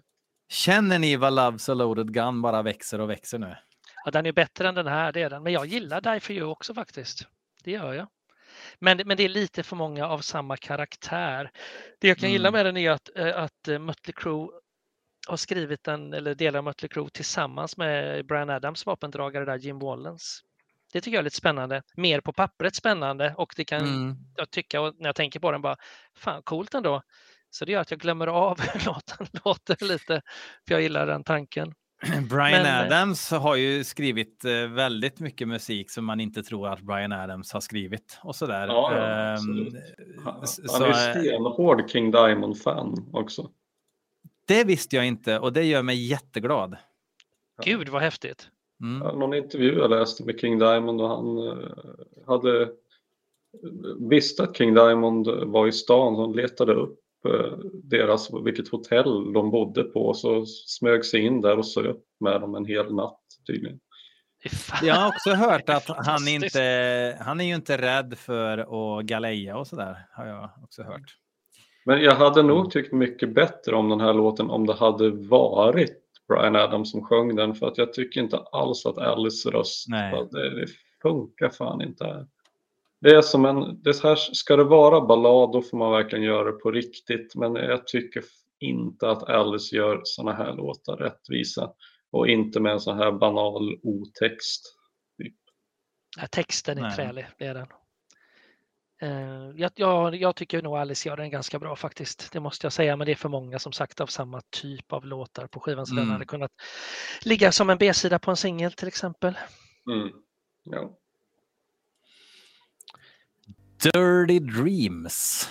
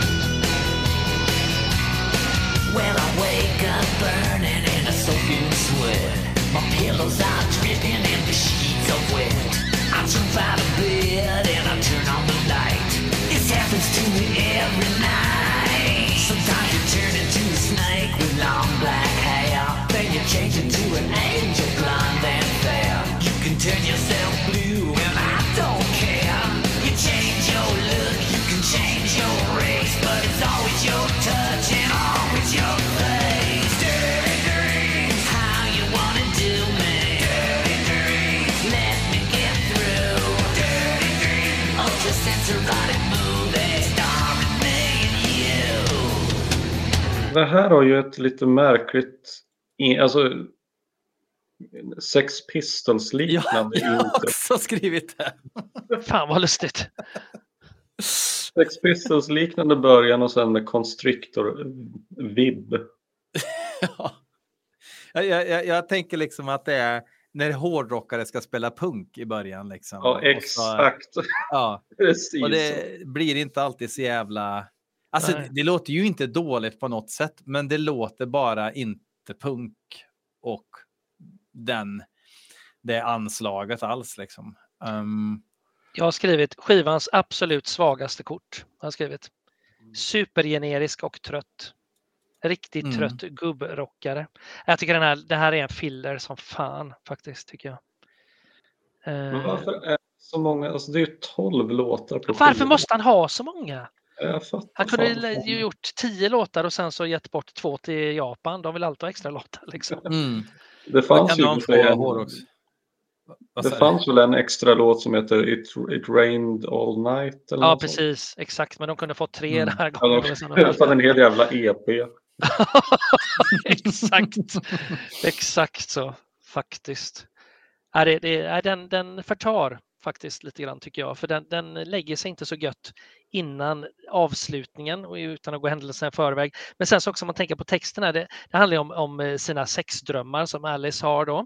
Eh, Mm. Väldigt ointressant att lyssna på någons drömmar. Och sen så är det en sån här konstig, märklig twist på slutet när det känns som att han börjar känna sig utnyttjad i drömmen av den han drömmer om.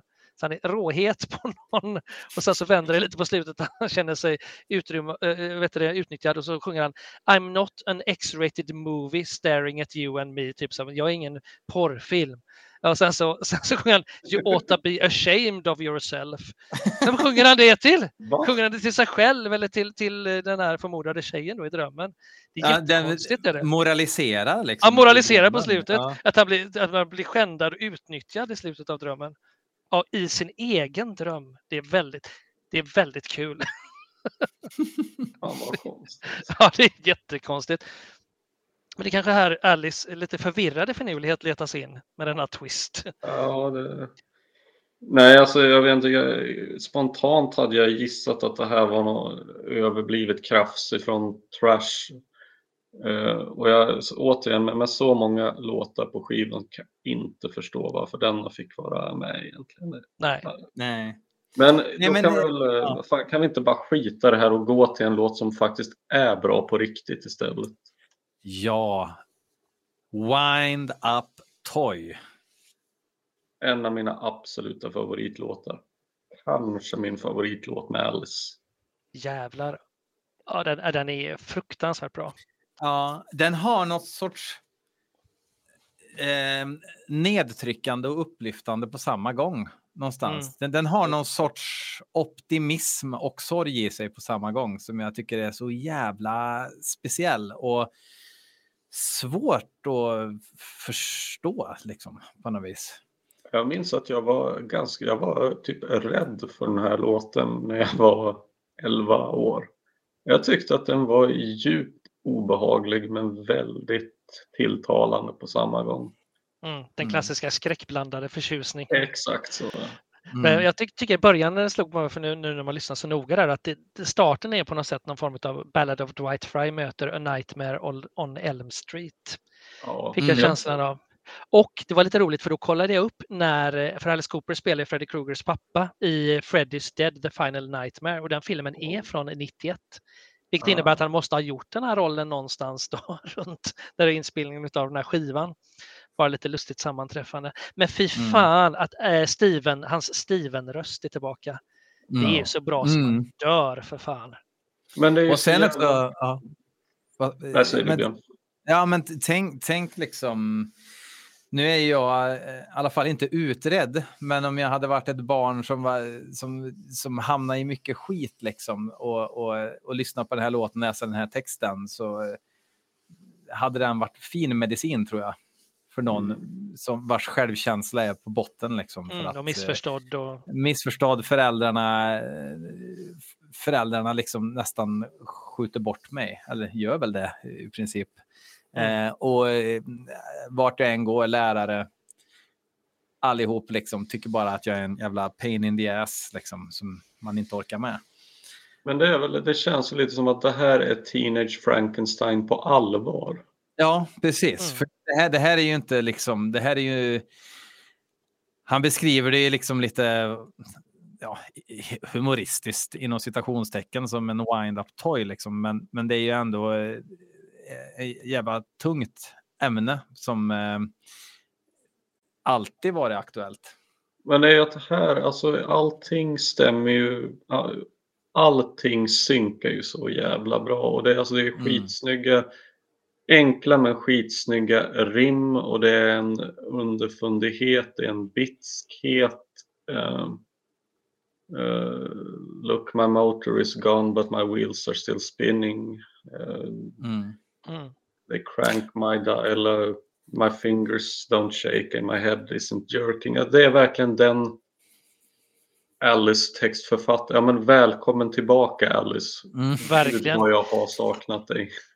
Det, kän, ja, men det känns ju som att det här är den enda låten som man med säkerhet kan säga att han har skrivit texten till helt själv. Ja.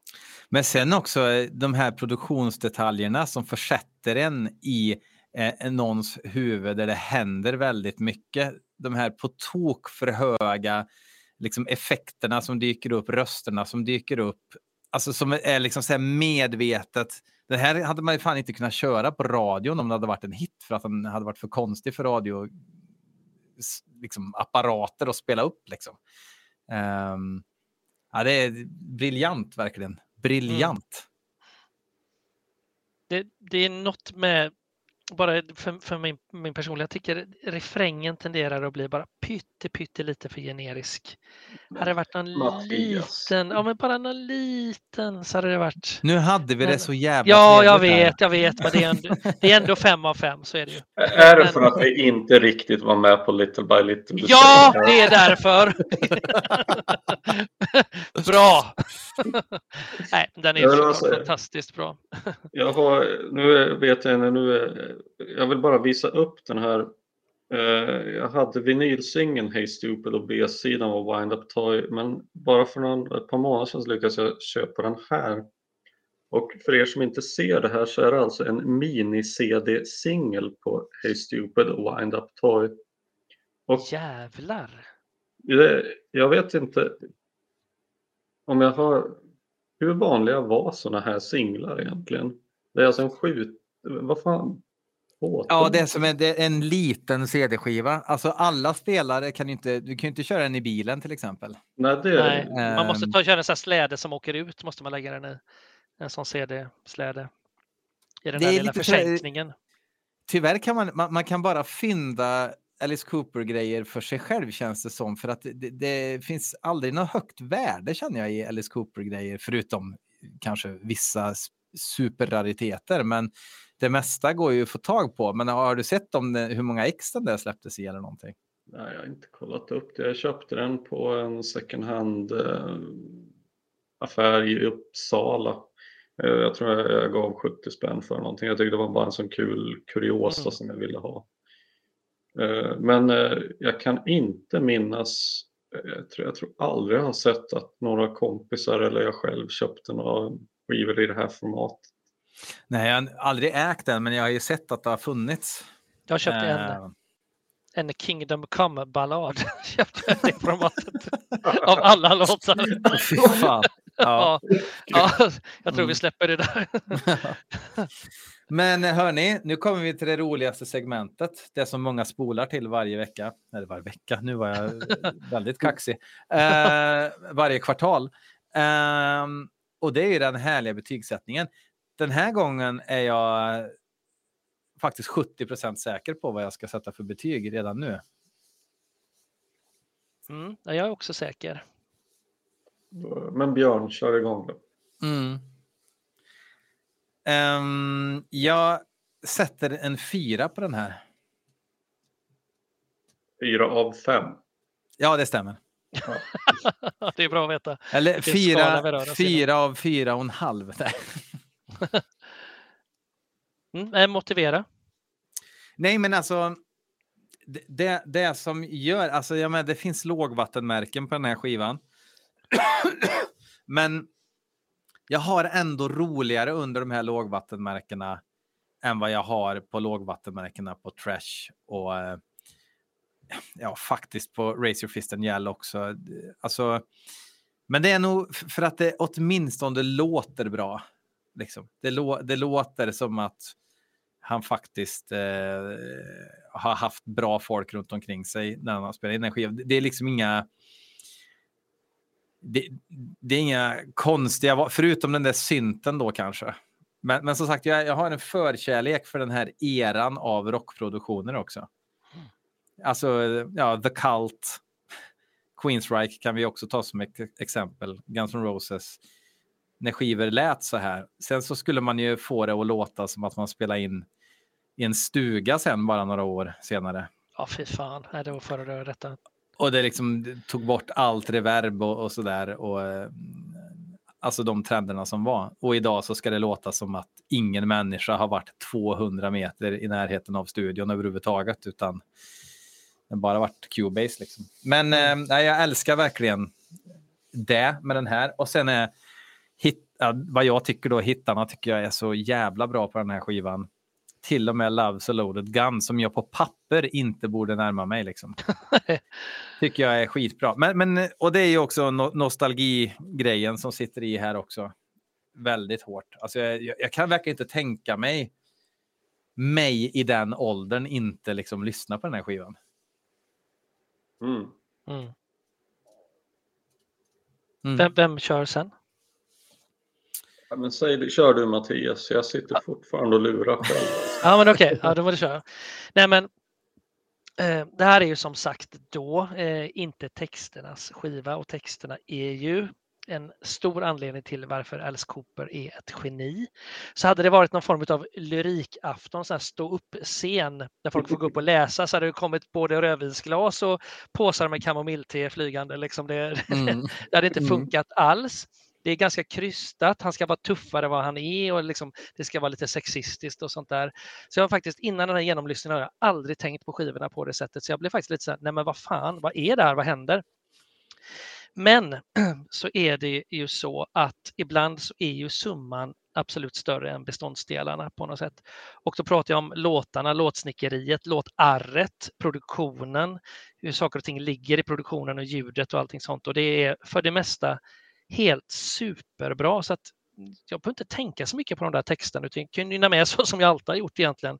Så jag tycker det är, det är en, det är en klockren fyra. Eh, Jag älskar den här skivan. Tycker den är fantastisk. Måste jag säga. Mm. Ja, jag får nog faktiskt gå emot lite här. För det, det här undrar jag om det inte är första gången jag upplever att jag tycker sämre om en Alice Cooper-skiva än vad jag tyckte innan vi började. Men- Fan vad underbart! Hoppas du tycker den är jättedålig nu. Det vore väldigt roligt. Alltså så här. Det är givetvis ingen katastrof och det är, men som sagt, Wind Up Toy är en av mina absoluta favoritlåtar och inte bara med Alice Cooper. Men, eh, och det, det är några höjdare, Might As Well Be On Mars tycker jag är en jävligt bra låt. Jag tycker att titelspåret är en skön dänga. Hörde jag Little by Little? Naturligtvis gjorde du det. Men, men det är... Jag vet inte om det var fillers, men jag tycker det känns som fillers. Och när jag, som du sa, att helheten så att säga, större än dess delar. Så, så när jag synar detta i sömmarna så brister det lite grann. Alltså det, de här balladerna som vi pratade om som jag, jag inte får ut någonting av och Dirty Dreams som känns helt poänglös. Så att ja, Hurricane Years tycker jag ju då är jävligt bra också i och för sig. Att, ja, det, det är verkligen en mixed bag.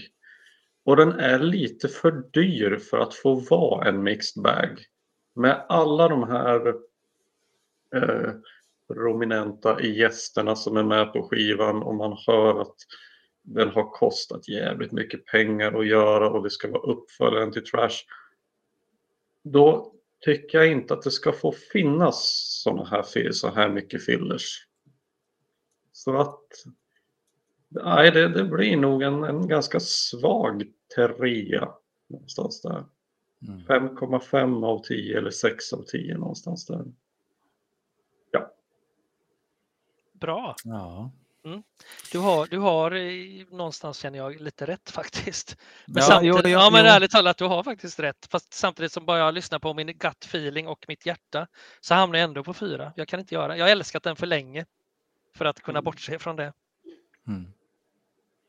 Men ehm, ja, alltså, eh, men jag, jag, jag begriper också till, till, till 100 procent. Du har ju absolut inte fel. Men jag, jag, jag har den för mycket i mig, den här skivan. Liksom. På något vis för att kunna... Jag är ganska bra ändå på att att försöka tänka bort det, men jag, jag kan inte riktigt det med den här skivan.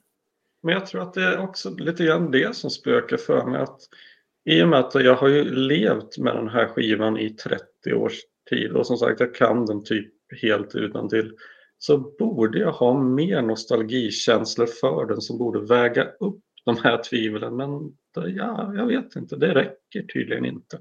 Nej. Du glömmer att du, att du hörde den första gången under din blackout-period. Ja, precis. Det är, ju- det är ju det. Du har ju inga känslor. känslor Under min Two Live. Crew-period. Ja, just det. Exakt. Hörni, där måste vi verkligen knyta ihop säcken. Jag, jag, jag kollar på klockan nu och det är alltid tråkigt att kolla på klockan. Men, och, eh, fansen av den här podden vill ju ha fyra timmars avsnitt och så får de aldrig det. Och de är så jävla besvikna över det och jag vet ju det och det är tråkigt. Men eh, tusen tack Mattias för att du kunde hoppa in igen här. Ja, stor ära som sagt. Det är ett- verkligen ett privilegium och tusen tack själva för att ni gör detta. Tack så hemskt mycket. Och, Tack så hemskt mycket. Tills nästa kvartal då så säger vi väl då låt stå. Låt stå och tack för kaffet. Låt stå.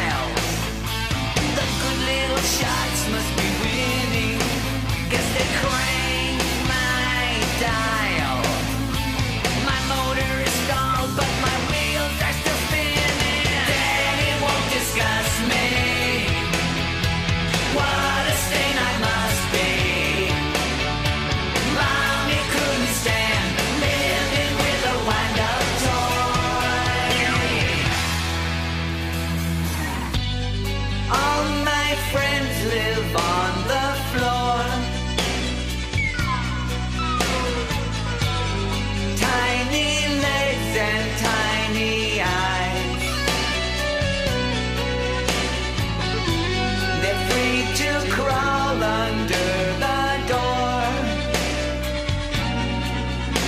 And and someday soon, so will I. But now I'm all smiles. These good little shocks must be working. I'm so happy now. My fingers don't shake